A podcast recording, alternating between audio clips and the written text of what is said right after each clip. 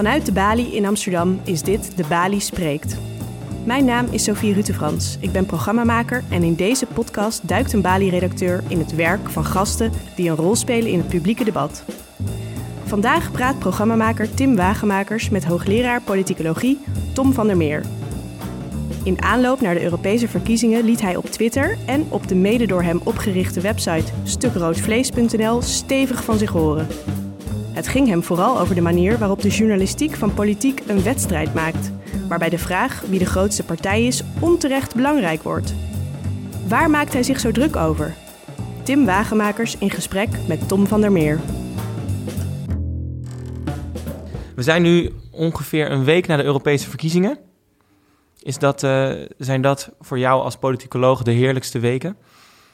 Uh, nou, het zijn meestal de drukste weken vooral. Want het is niet hetzelfde. Vaak, nee, ik zit heel vaak in dit veld met onderzoeken dan. Dus uh, op vragenlijsten die dan worden uitgezet of nog net af moeten. Uh, dus dat kost altijd heel veel, uh, heel veel tijd. kijk, zo'n uitslagenavond is, is natuurlijk gewoon altijd genieten. Maar ook altijd frustrerend. Want je ziet ook welke fouten er dan worden gemaakt in interpretaties. welke frames worden neergezet. waar journalisten dan graag in meegaan. Dus het is... Het is Hm. Ja, enerzijds heel gaaf en anderzijds ook wel frustrerend. Ja, en als het stof dan is neergedaald en we zitten een paar dagen daarna, wat is dan wat jou het meest is bijgebleven van die Europese verkiezingen afgelopen weken? Ja, twee dingen. Ik denk dat uh, enerzijds de uitslag uh, door heel Europa heen is dat je eigenlijk de, de Dutchification of politics meemaakt. Dus wat we in Nederland al, al eigenlijk een jaar of twintig zien, dat je uh, de, de nivellering van partijen ziet. Dat, dat partijen gemiddeld genomen steeds meer van dezelfde grootte worden. Ja. Wat negatief als versplintering wordt genoemd. Uh, dat zie je nu door heel Europa heen. Jij noemt dat, geen versplintering, expres. Nee, ja, versplintering wil suggereren dat er steeds meer splinters bij komen... en dat het dus iets kapot wordt gemaakt. Ja. Maar wat we eigenlijk zien is dat er geen grote partijen meer zijn... maar heel veel middelgrote partijen. In Nederland ook het aantal kleine partijtjes... is, is de laatste 45 jaar niet gestegen of gedaald het aantal partijtjes met een, maar een paar zetels, dat is relatief constant. Het zijn die middelgrote partijen, daar zit een verandering. En het tweede wat je opviel? Uh, nou, de campagne in Nederland. Uh, hoe die campagne werd gevoerd in de laatste weken. Er was natuurlijk wat uh, de, de, ophef rond het SP-filmpje waar media massaal opdoken. Um, vervolgens die tweestrijd tussen Forum voor Democratie en de VVD die maar moest komen. Want wie zou de grootste zijn? Waarbij journalisten op een gegeven moment ook heel goed konden uitleggen... dat het eigenlijk voor het Europees Parlement totaal niet uitmaakt wie de grootste wordt omdat Nederland maar zo weinig zetels heeft. En dat er ook niet wordt geformeerd in Europa. Maar dat het voor het gevoel toch wel heel erg belangrijk was wie de grootste zou worden. Namelijk Forum of VVD. Dat er een tweestrijd kwam tussen die partijen op, op het publieke net. Uh, de avond voor de verkiezingen. Ja. Inderdaad. En dat achteraf blijkt dat uh, de PvdA uh, met afstand zelfs de grootste was. Ja. Wat evenmin een hele relevante vraag is. Maar het zijn niet jouw eerste verkiezingen, dus je kent de dynamiek ondertussen een beetje hoe dat gaat. Ja. Als, als we dan een paar weken geleden, zeg maar net voordat de aandacht, hè, de laatste paar weken komt er aandacht voor, dan um, zit jij met al jouw werk, al jouw kennis, al jouw onderzoeken. Denk je dan na over hoe wil ik mij de komende weken als politicoloog ook misschien mengen in dit gesprek? Heb, je, heb jij dan een, een taak voor jezelf?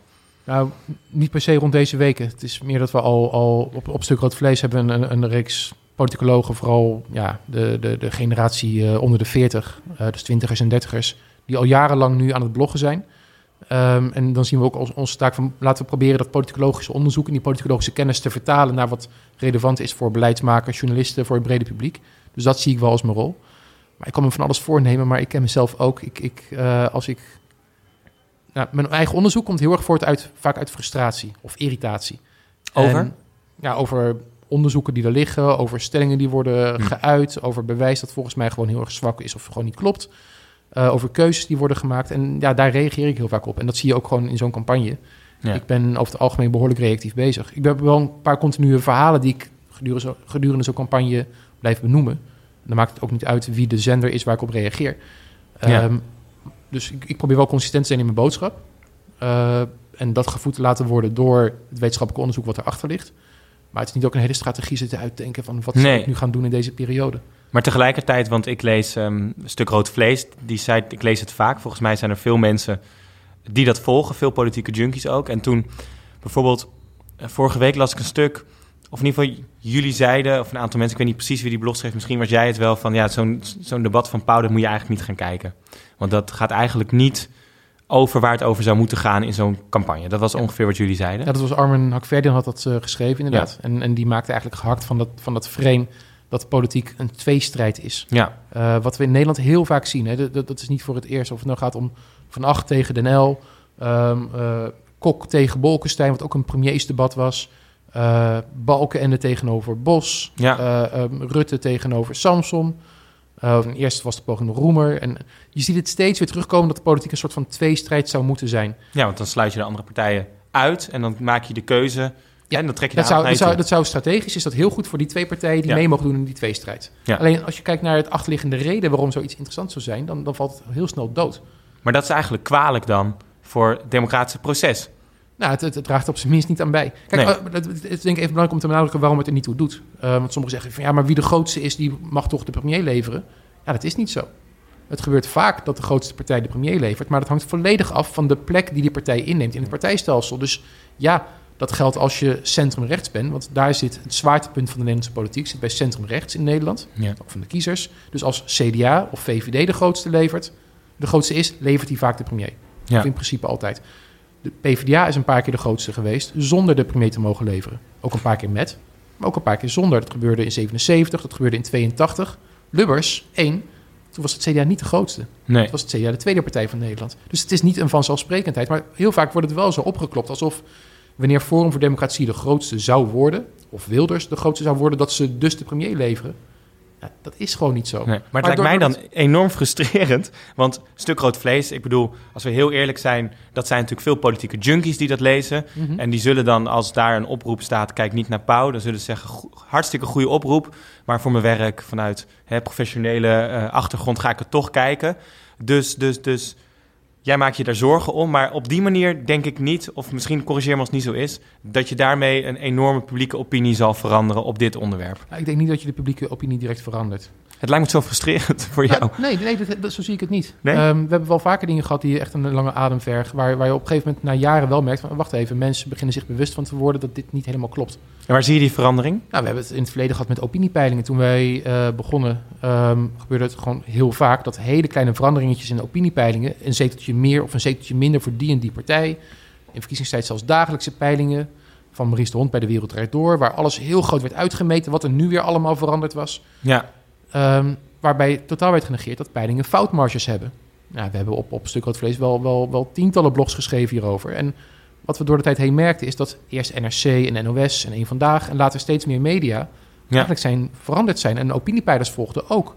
Uh, ja. En we zien dat, dat daar met een lange adem toch wel veranderingen mogelijk zijn geweest. Dus op wie mik jij dan? Of zeg maar, je, je mengt je op Twitter, je schrijft veel op Stuk Rood Vlees. Wie hoop je dan dat dat leest? Zo? Nou, iedereen. Uh, ik hoop dat iedereen het leest. Alleen als je kijkt naar effectiviteit daarvan... Ja, dan denk ik dat, dat de, de, de veranderingen beginnen vooral in het aanbod dat je krijgt... vanuit media, vanuit beleidsmakers. Ja. Ja, journalisten en ja, politie. En we weten ook dat daar een hoop van onze lezers tussen zitten. Ja. Maar dat neemt niet weg dat ik ook gewoon het, het, het publieke debat wil blijven voeden. Ja. Zelfs, zelfs als het tegen windmolens vechten is, ja, het, het blijft vind ik nog steeds wel relevant. Ja, want ik volg jou op Twitter bijvoorbeeld en dan... En dan en waar we het net over hadden, die grootste partij, dan tweet jij bijvoorbeeld... wie de grootste partij is, doet er niet toe, hadden we het net over. Het is de grootste smurf in het smurfendorp, in toenemende mate betekenisloos... maar voor journalisten blijkbaar een onwrikbare, harde logica. Ja. Ja, wat, wat mij gewoon heel erg opviel in deze campagne was dus dat op een gegeven moment bij Nieuwsuur ze dat ook heel expliciet konden aangeven van ja, eigenlijk is dit wat, waar wij naar kijken. Terwijl het voor de praktijk helemaal niet zo heel relevant is. Um, je moet ook nagaan, die nadruk op de grootste neemt door de jaren heen alleen maar toe. Tegelijkertijd is de grootste partij kleiner dan ooit. Waar vroeger de grootste partij uh, bij de Tweede Kamer nog wel eens tegen de 50 zetels 40, kon 50, halen, ja. zal die inmiddels nog maar iets van 30 zetels halen. En misschien zelfs 20, 25. Bij, bij de, uh, de verkiezingen voor de Provinciale Staten ja. haalden uh, de grootste partijen zo ongeveer 15% van de stemmen. Dat is omgerekend 22,5 zetel in de, in de Tweede Kamer. Ja, dan hebben we het over de grootste. Maar dat stelt zo ontzettend weinig voor. Maar de nadruk die journalisten erop leggen, mm -hmm. wordt steeds groter. Ja. En dat is in het voordeel van de partijen die mee mogen doen in het frame van jij bent de grootste, want die hebben er baat bij. Als je als media maar benadrukt dat een partij succesvol is, of een grote uitdager is, of groeit, dan gaan mensen daardoor beperkte mate, maar ook eerder op die partij stemmen. Heeft Timmermans daar ook geen profijt van gehad? Ik voelde een enorme, nou niet per se bij mezelf, maar een enorm soort van oranje gevoel. Uh, bring our guy to, uh, to Europe? Want hij kan wel de voorzitter worden van, het, uh, van de Europese Commissie. Ja, nee, daar is dus ook onderzoek naar geweest. Een aantal jaren geleden werd gekeken, die spitsenkandidaten, zoals het dan heet, hebben die een effect? En die blijken vooral een effect te hebben in het land waar ze zelf vandaan komen. Ja. Dus ja, de, de, de PvdA Nederland zal er baat bij hebben gehad. En we zien het ook in de Ipsos uh, exit poll. Zien we dat ongeveer de helft van de PvdA-stemmers hebben aangegeven dat de persoon van Frans Timmermans een heel belangrijke reden was om op die partij te stemmen. Dus ja, dat doet er zeker toe. Vind jij als je je nu, als jij nu beschouwt hoe er vanuit de media om wordt gegaan met verkiezingen, vanuit politici, vind jij dan, of, of kun jij iets zeggen over hoe Nederland zich dan verhoudt tot andere landen? Doen wij, hebben wij een gezond democratisch gesprek in de aanloop naar verkiezingen ten opzichte van andere landen? Ja, ik denk, um, met alle kritiek die ik geef, dat in een hele grote mate de, de, de, uh, de Nederlandse campagnes, de Nederlandse democratie het echt wel goed doen. We mogen tot op zekere hoogte onze handen echt dichtknijpen met onze politici, uh, met, onze, uh, met onze media. Maar daaronder ligt nog steeds wel die neiging om um, campagne te laten voeren, campagneverslaglegging te doen volgens principes van de Amerikaanse politiek. Hm. Dus een tweestrijd, wie is de grootste, um, wie doet het het beste in de peilingen, ja. wie is de verliezer, wie heeft de imagoschade opgelopen, wat werkt goed voor kijkcijfers en luistercijfers. Politiek als strategie. Ja, dat, dat element, dat, dat wordt er op die manier wel uitgelicht. Ja. En soms wat, wat extremer dan andere keren. Um, maar dat is wel iets wat er doorheen speelt. Tegelijkertijd zien we ook dat in de verkiezingsdebatten... ja, dan worden er ook gewoon weer twaalf partijen uitgenodigd... die met elkaar mogen debatteren. Ja. Dus de, de, de, in de grond gaat er heel veel goed... maar er zit ook een teneur daardoorheen... met die medialogica, met de nadruk op bijvoorbeeld de grootste... of de nadruk op peiling, of de nadruk op strategie... Ja, die zeker in een systeem als Nederland gewoon echt niet werkt. Je kan Nee. je nog voorstellen in een land als Amerika... met maar twee partijen, dat het meer voor de hand ligt... Maar in Ja. een meerstroomland waar wij in zitten, ja, stelt het zo weinig voor, Ja. die argumentatie. Als we het hebben over campagnes of, of hoe verkiezingen gaan, nou, dan is er duidelijke verantwoordelijkheid bij media, er is een verantwoordelijkheid bij politici, er is ook een verantwoordelijkheid bij de kiezer. Mhm. Voel jij ook een verantwoordelijkheid als politicoloog? Ja, ehm, zo, zo ervaar ik het zelf wel. Ehm, ik, ik heb me ooit voorgenomen, ik wil niet een politicoloog zijn die alleen maar wetenschap schrijft om de wetenschap. Dat vind ik zelf ook heel gaaf om te doen. En ik kan me ook echt gewoon mijn tijd koesteren wanneer ik gewoon lekker mag nerden achter mijn computer en, en statistieken Ja, ja, gaan ja, zetten. ja, En ja. gewoon echt hypotheses kan gaan toetsen met, met moeilijke datasets. Uh, maar ik vind ook dat, dat ja, de kennis die we hebben, die moet je ook proberen te delen. Ehm, dus ja, ik, ik, beschouw het wel als een, als een rol die we ook moeten spelen. Is het ook wel spannend dat je, dat je door anderen een bepaalde politieke hoek ingeduwd wordt of dat jouw analyses misschien eh, dat er aan de haal gegaan wordt door partijen waardoor jij zelf onderdeel wordt van het gesprek? Of valt Nou, daar heb ik niet heel veel last van. Uh, vanuit mijn onderzoeken worden, op basis van mijn onderzoeken word ik soms uh, uitgemaakt voor, voor radicaal links of voor radicaal rechts. Uh, de andere keren weer, weer als iemand die de regering wil verdedigen. Waarom vindt iemand jou dan radicaal links bijvoorbeeld? Nou, omdat de conclusie van mijn onderzoek dan bijvoorbeeld steun zou bieden voor de multiculturele samenleving. Ja. En als dan een week later een andere studie van mij op een heel ander gebied laat zien dat, dat uh, de steun voor diversiteit behoorlijk laag is in Nederland, dan, dan wordt weer in het andere hokje geplaatst. Dus dat gaat, dat, daar heb ik niet zoveel moeite mee. Voor mij is de belangrijkste insteek dat ik wil dat uh, de debatten die gevoerd worden, zoveel mogelijk ook worden gevoerd aan de hand van argumenten die Hm. toetsbaar zijn. Ja. En tot op zekere hoogte dus ook ja, kloppen, tussen aanhalingstekens. Um, en, en dan maakt het me ook niet zo heel veel uit wie, wie dat oppikt. Maar als iemand mijn onderzoek pakt en dat, dat uit zijn verband trekt, dan reageer ik daar weer wel op. Ja. Maar wie het ten goede komt, ja, dat, dat vind ik in zekere zin secundair voor mijn rol als wetenschapper. Ja. Mijn volgende vraag is een beetje een vraag alsof je aan iemand in een schoenenwinkel vraagt die meer schoenen wil verkopen. Maar uh, toch, vind je dat er te weinig politicologie of politicologen in het gesprek te horen zijn momenteel? Of gaat het wel goed? Nou, ik denk dat we steeds meer te horen zijn. Um, ja, als, als ik ook kijk naar de laatste paar weken, waar, waar, waar er zijn op heel veel plekken zijn daar politicologen te zien of te horen geweest. Um, het is niet in die mate zoals je bijvoorbeeld uh, wel ziet in, in, in België uh, of, of, of in Engeland, waarbij uitslagenavonden ook echt mede uh, worden gepresenteerd of geduid door, door ja, kiezersonderzoekers. Zou je dat willen? Zou je het leuk vinden?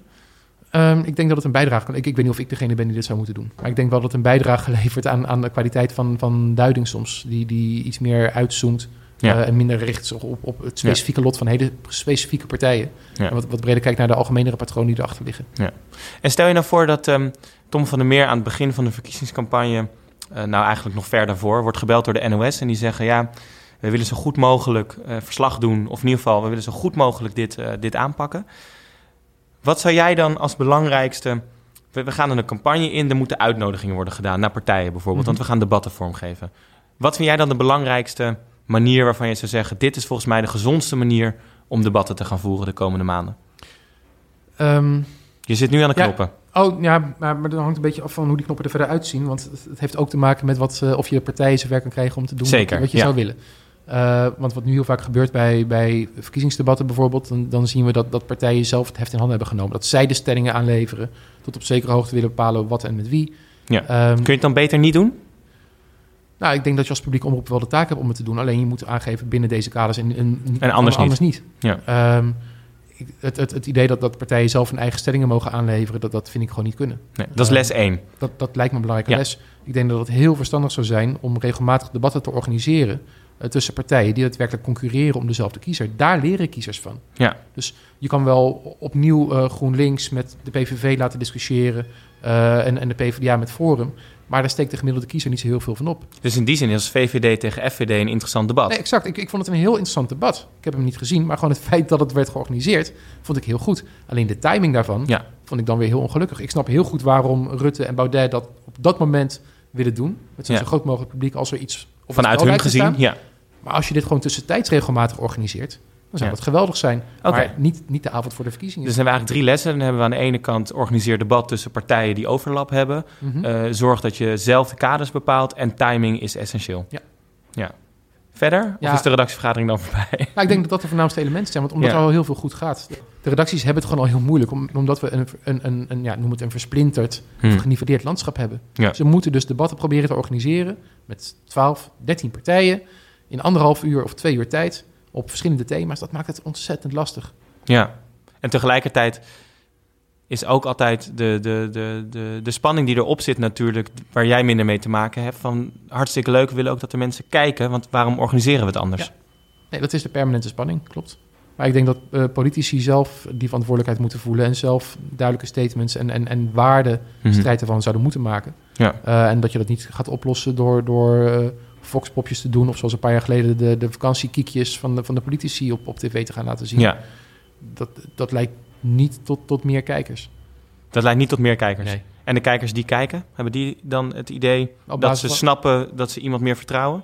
Op basis van de vakantiekiekjes heb ik daar geen Nee, bewijs voor nee toch niet? Nee. Eh, ook, ja, dat is een heel oud voorbeeld, maar dat ze toen 17 jaar geleden politie mochten aanschrijven bij de Soundmix Show om daar een debat te voeren. Dat leidde ook vooral tot, tot, tot hoon. Ehm, ik denk dus echt dat zo'n inhoudelijk debat hierbij veel belangrijker is. Ja. Maar overigens leren kiezers ook echt van die verkiezingsdebatten. Dus dat is ook het mooie ervan. Ze leren beter waar, waar partijen daadwerkelijk voor staan. Want dat meten jullie. Eh, dat hebben we in het verleden wel gemeten. Ja. Ja. We hebben onderzoeken gedaan dat we kijken van oké, wat gebeurt er nou voor en na verkiezingsdebatten? Eh, en maakt dan ook uit wie welke spreektijd krijgt. En dan zien we inderdaad dat door verkiezingsdebatten kiezers beter in staat zijn om te plaatsen waar, waar partijen daadwerkelijk voor Ja. staan. En eh, heb je het NOS-verkiezingsdebat gezien de avond ervoor? Ja. Wat mij opviel daar was dat er um, volgens mij een hele... Volgens mij was er ook een politicoloog, of in ieder geval een, iemand, iemand een, een hoogleraar. Nee, er waren experts uitgenodigd Mhm. om thema's in te leiden. Um, en volgens mij een van de dingen die, die ook belangrijk werd gevonden... was dat, dat de stem van de gewone man aan het woord kwam. En aan het eind kwam er een vertegenwoordiger van de gele hesjes bijvoorbeeld. Is er iets te zeggen over of dat als het doel zou zijn, hè, dan hebben we dat geluid laten horen en hebben mensen het gevoel dat ze vertegenwoordigd worden, ook in zo'n debat. Hoe, hoe kijk jij daar dan naar? Ehm, ja, ik vond dit een, een, een slecht voor. Ik vond het een eh, tamelijk goed debat tot op het einde. Ehm, want eh, die meneer van de gele hesjes, die, die ging allemaal dingen vertellen die feitelijk niet klopten. Ja, die Europa. eigenlijk de uitlegfilmpjes eh, onderuit, probeerde ja, die. nou, ja. Wat, wat, wat, wat, wat hij zei, dat klopte feitelijk niet. Nee. Maar dat, dat moest vervolgens wel als uitgangspunt dienen voor het debat. En dat is dan, dan heel ongelukkig. Dus ja, ehm, ik ben juist heel groot voorstander van een grote burgerinvloed. Maar, maar één persoon, een willekeurig persoon, zo'n gesprek laten inleiden als rol van... ja, maar dat is degene die het echt weet, die hier echt voor staat. Ja. Dat lijkt me wat, wat, Ja. wat minder gelukkig. Ja. Als je zoiets kiest, kies dan voor een town hall setting... waarbij inderdaad verschillende groepen kiezers vragen mogen indienen... waar politici dan spontaan op zouden moeten reageren. Wat vind jij, he- heb je wel eens een debat gezien of kan je iets herinneren waarvan je zegt dat is voor mij een soort van summum van de manier waarop je een goed debat kan organiseren? Nou, ik vond dus het laatste, eh, dat, dat NOS-debat wat we zagen, vond ik het eerste gedeelte, vond ik daar een, een, een- ik, ik vond het een tamelijk goed voorbeeld. Waarom? Ehm, omdat eh, het format was zoveel mogelijk de politici zelf aan het woord laten. dat gebeurde dus ook. Tussendoor wat uitleg voor, voor, de, voor de kijkers meegeven. En omdat die politici zelf ook daadwerkelijk statements durfden te maken over die uitspraken. Dus die verschillen wel echt goed konden neerzetten. Zonder al te hakketakkerig te zijn. Dus ze konden zichzelf wat presenteren. Hmm. Het, het, grote probleem blijft voor Nederland, je hebt twaalf partijen. En omdat je twaalf partijen hebt, heeft iedereen maar, maar een paar zinnen te benoemen. Dus je kan nooit rustig daar eens een keer je visie uiteenzetten. Nee. Maar, misschien hoeft dat ook niet in verkiezingstijd en moet dat juist wat verder ervoor zitten. Oh ja, de, idealiter heb je dat gewoon al daarvoor gedaan. Maar de praktijk helaas van onze Nederlandse politiek is dat er veel te vaak wordt gedebatteerd op basis van specifieke beleidspuntjes. Ja, ja, ja, en veel te weinig op, op basis van visie van waar wil je nou met Nederland heen de komende 20 jaar. Neem me dan tot slot nog even mee naar. Dan hebben we de debatten gehad, er is gestemd. En dan vervolgens komt de analyse, vaak live. En dan, als ik als kijker daarnaar zit te kijken, dan. Um, wat, wat, wat gebeurt er? Er wordt vooral uh, veel geanalyseerd in conclusies. Mm -hmm. Dus uh, uh, de PvdA is terug. De middenpartijen, nou ja, het, het, het Dutch effect. En tegelijkertijd worden er grafieken laten zien van hoe het land in provincies verdeeld is. Ja. Kun jij mij in het kort een soort kijkwijzer geven hoe ik dat op dat moment moet duiden? Of moet ik gewoon de televisie uitzetten en pas de dag erna rustig gaan uh, lezen? Uh, ja, ja. Ik, ik, kan jouw Twitter volgen dan. Waarschijnlijk doe je het dan live, mij die nuance geven. Maar mm -hmm. toch, ik kan me voorstellen dat veel mensen... Ja, die, die gaan, je gaat al over de place op zo'n avond. Ja. Want het ene moment is de P van de A terug. Het andere moment komt misschien Forum toch weer. Weet je, je, je weet niet waar je kijken moet. Ja, ik denk dat je vooral moet uit, uitzoomen op zo'n avond. Dus vooral uitzoomen en kijken wat is nou het, het, het, het, het, het grotere verhaal. Het overall verhaal. Um, dat is bijvoorbeeld die, die, die nivellering of ja. versplintering is dan een van de grote verhalen die er gewoon weer terugkomt en ook dit keer Europees heel duidelijk terugkwam.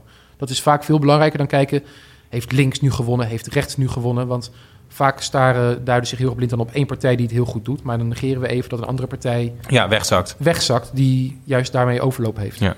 Um, of, of de PvdA stijgt, de SP daalt, oh dan zullen die SP'ers wel naar de PvdA zijn gegaan, terwijl we opkomsteffecten niet hebben meegenomen. Ja.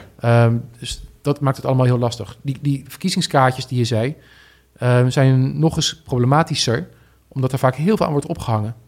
Er wordt echt gezegd van ja, die partij scoort daar goed, want daar wonen ze op het zand. Ja. Uh, en, en, en die partijen doen het daar uh, goed, want dat is onder de rivieren en dat is vanwege de, de, ja, de, de, de opstand tegen Spanje. En sindsdien zijn ze altijd al anders geweest. En, en dat daar heeft te maken met de aardbevingen. Opeens een enorm vertrouwen in het geschiedenisonderwijs van Nederland. Dat iedereen ja. dat nog weet. Nou ja, of, of in ieder geval in, in, in grote culturele verschillen die er zouden ja. bestaan. Terwijl we weten dat het, het gros van, van de verschillen die er bestaan tussen gemeentes of tussen provincies... die komen voort uit de mensen die er wonen. En niet om, om de provincie of, of de gemeente zelf. Um, bijvoorbeeld CDA'ers zijn in grote mate op een gegeven moment overgestapt naar de PVV en later naar Forum voor Democratie. Ja. Dus waar vroeger het CDA groot was, zie je tegenwoordig relatief ja. veel stemmers op die partijen. Ja. ja, dat is bijvoorbeeld in Zuid-Nederland. Dan kan je wel bedenken, wat is er zo anders zo uniek aan Zuid-Nederland, waarom daar zoveel rechtspopulistische kiezers zitten. Maar dat is het werkelijke verhaal niet. Het is gewoon simpelweg van ja, de patronen, de verklaringen zijn over heel het land hetzelfde. Ja. Alleen in sommige streken wonen meer van een bepaalde groep dan in andere. Ja, in de ja. grote steden wonen meer hoogopgeleide links-progressieve jongeren. Ja, daarom zie je dat die partijen daar het vaak goed doen. Dat heeft niet eens zo heel veel te maken dan met een bestuur of met een stad zelf. Ja. Hebben en, politieke partijen, want ik kan me voorstellen tot slot dat, dat, dat strategisch, nou, daar hebben ze een aantal uh, vuistregels, hebben ze in ieder geval aardig te pakken, of dat nou goed of slecht mm -hmm. is. Een tweestrijd ervan maken, uh, proberen de andere partijen te isoleren, zodat de keuze beperkt blijft. Maar hebben die ook goed in de smiezen eigenlijk wat jouw onderzoeken, zijn die politicologisch goed genoeg onderlegd om zelf niet in die valkuilen te trappen? Dat weet ik niet. Dat is voor mij een blackbox. Uh, dus dat durf ik niet te zeggen.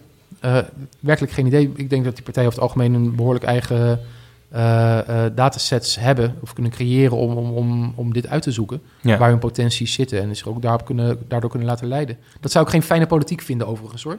Nee. Ik ben voor, voor een politiek die begint vanuit de waarde. Waar sta je als partij voor? En dan ga je daar zoveel mogelijk kiezers bij zoeken. Een heerlijk naïef uh, ja. model misschien, maar ja, geeft mij een waardegestuurde politiek boven uh, elke strategische vorm. Uh, maar ik denk dat die partijen dat, dat wel zullen hebben of zullen doen. Ja. Word je wel eens als wetenschapper gevraagd door politieke partijen om... Niet om onderzoek te doen. Ik ben wel een paar keer gevraagd om, om, om te duiden wat er gebeurt. Uh, ja. En dan, dan door eigenlijk het, het, hele spectrum heen. Ja, en als je dan met hun in gesprek gaat, heb je dan het idee dat de voelsprieten op dezelfde richting zitten? Nou, in ieder geval een bereidheid om te luisteren. Dat, dat merk dat is stap één. Ja. En wat ze daarmee doen, ja, wat ik net al zei, ik, ik vind mijn rol is de argumenten aandragen en de methode aandragen. En ja. wat er daarop volgt is aan hun. Maar ik denk ook, wat je net zei over uh, die voelsprieten... dat het ook in de uitslagenavond, dat we daar veel meer mee kunnen doen. Um, we hebben bij de afgelopen uitslagenavond bijvoorbeeld... hadden we veel sneller, veel duidelijker al kunnen laten duiden... Waar, wat er gebeurd is geweest met de kiezers van de SP. Wat er gebeurd is met de PvdA-kiezers. En er kwamen wel elementjes aan bod. Uh, dus bijvoorbeeld dat de helft van de PvdA-kiezers... dat dat uh, kiezers waren die Timmermans hebben benadrukt. Maar je kan gewoon een onderzoek uitdoen, uitvoeren. En dan maakt het echt niet uit of je dat nou doet met INO... of met Maurice de Hond of het Nationaal Kiezersonderzoek of wie dan ook... Dan kan je gewoon onderzoek doen van ja, waar gaan die kiezers heen? Wie gaan er komen opdagen? Wie blijven er thuis? Wat zijn hier de onderliggende stromen in? Wat zijn de onderliggende beweegredenen? Dat is voor zo'n uitslagenavond volgens mij veel interessanter dan speculatie over iets wat je eigenlijk tamelijk goed kan ik, ik, ik, kan me dan voorstellen, maar ik heb jouw vak niet, dat je het af en toe dan van de daken af wil schreeuwen als bijvoorbeeld Forum de grootste wordt bij de provinciale verkiezingen. Terwijl misschien, als ik jou zo hoor, heeft dat wel meer te maken met opkomst of dat wil helemaal niet zeggen dat dat op dat moment de meest populaire partij in het land is, bijvoorbeeld. Ja, wat, wat, wat, wat ik dan uh, regelmatig zeg is van ja, maar dit weten we gewoon nog niet. Ik, ik kan me hier pas over uitlaten als we, als we die gegevens hebben. En zonder gegevens zijn heel veel dingen zijn dan speculeren. Ja. Dus je kan wel speculeren over wat dit kan gaan betekenen voor een eventuele bestuurskant. Maar wat er met kiezers gebeurd is, dus wat de staat van het land is, kan je zo niet zeggen. En daar moet je ook altijd heel erg oppassen met opmerkingen van... oh, Nederland heeft een, een, een slag naar links of naar rechts gemaakt. Of links is de grote overwinnaar van deze verkiezingen. Ja, als het te maken heeft met mobilisatie van kiezers... is het een ander verhaal dan wanneer kiezers daadwerkelijk een andere richting op zijn gegaan. En als kiezers massaal naar de, VV, naar de FVD zijn gegaan... maar ze komen van de VVD, CDA en PVV af... dan is er een herschikking op, op rechts... maar is er geen aardverschuiving van de Nederlandse politiek... Maar al die verhalen lopen in de duiding vaak door elkaar heen. Ja, dus voetbal heeft uh, heel veel miljoen bondscoaches. Politiek heeft ook heel veel uh, scheidsrechters die het oordeel willen vellen. Maar jouw taak als wetenschapper is misschien ook om af en toe te zeggen... ik weet het niet. Het enige wat ik zie is dit. Maar laten we er niet te grote conclusies dus aan trekken. Dus vandaar dat ik zei, op uitslagenavond zoom vooral een beetje uit. Kijk wat de grote patronen zijn. Ja. Blijf bij het beschrijvende. Behalve als je ook echt meer duidende onderzoeken hebt die erachter liggen. Ja, en als je nou dan heel kort het verhaal wat je wel kunt vertellen... over wat de Europese verkiezingen ons hebben geleerd over de Nederlandse kiezer? Wat zou je dan zeggen? Ehm, het voornaamste is en blijft dat uh, de, de uh, Nederlandse kiezer um, ja, versplinterd is, een moderne kiezer is, die kiest tussen partijen die op elkaar lijken. Um, dus elke kiezer heeft een soort van keuzeset gemaakt, uh, een, voor, een voorselectie van partijen die overeenkomstig zijn en daarbinnen maken ze een keus. De verhoudingen tussen partijen blijven over het algemeen constant. Dus dat is het eerste grote verhaal wat je kan vertellen over de Nederlandse kiezer. Het tweede is dat, uh, wat je door heel Europa heen ziet trouwens, is dat de kiezer in grotere mate geneigd was om, om te gaan stemmen bij deze verkiezingen. En de verklaring daarachter, daar ben ik nog steeds heel erg benieuwd naar. Um, het zou heel goed kunnen dat het Europees Parlement voet aan de grond begint te krijgen, omdat er meer op het spel staat. Dat het duidelijker is wat de rol is, dat de tegenstellingen rond Europa beginnen te landen. Wat het in Nederland eigenlijk 25 à 30 jaar lang niet heeft gedaan dat het de laatste jaren zien we dat, dat thema's als Europa ook in de nationale politiek en de voorkeuren voor partijen een steeds grotere rol begint te gaan spelen. Als, als politicoloog moet jou dat toch vrolijk stemmen, lijkt me. Nou, weet ik niet. Nee? Het is vooral, ik, ik vind het interessant. Of ik me vrolijk over maak, dat is een tweede. Ja, maar wel over je vak. Ja, zeker. Dankjewel, Tom van der Meer. Graag gedaan.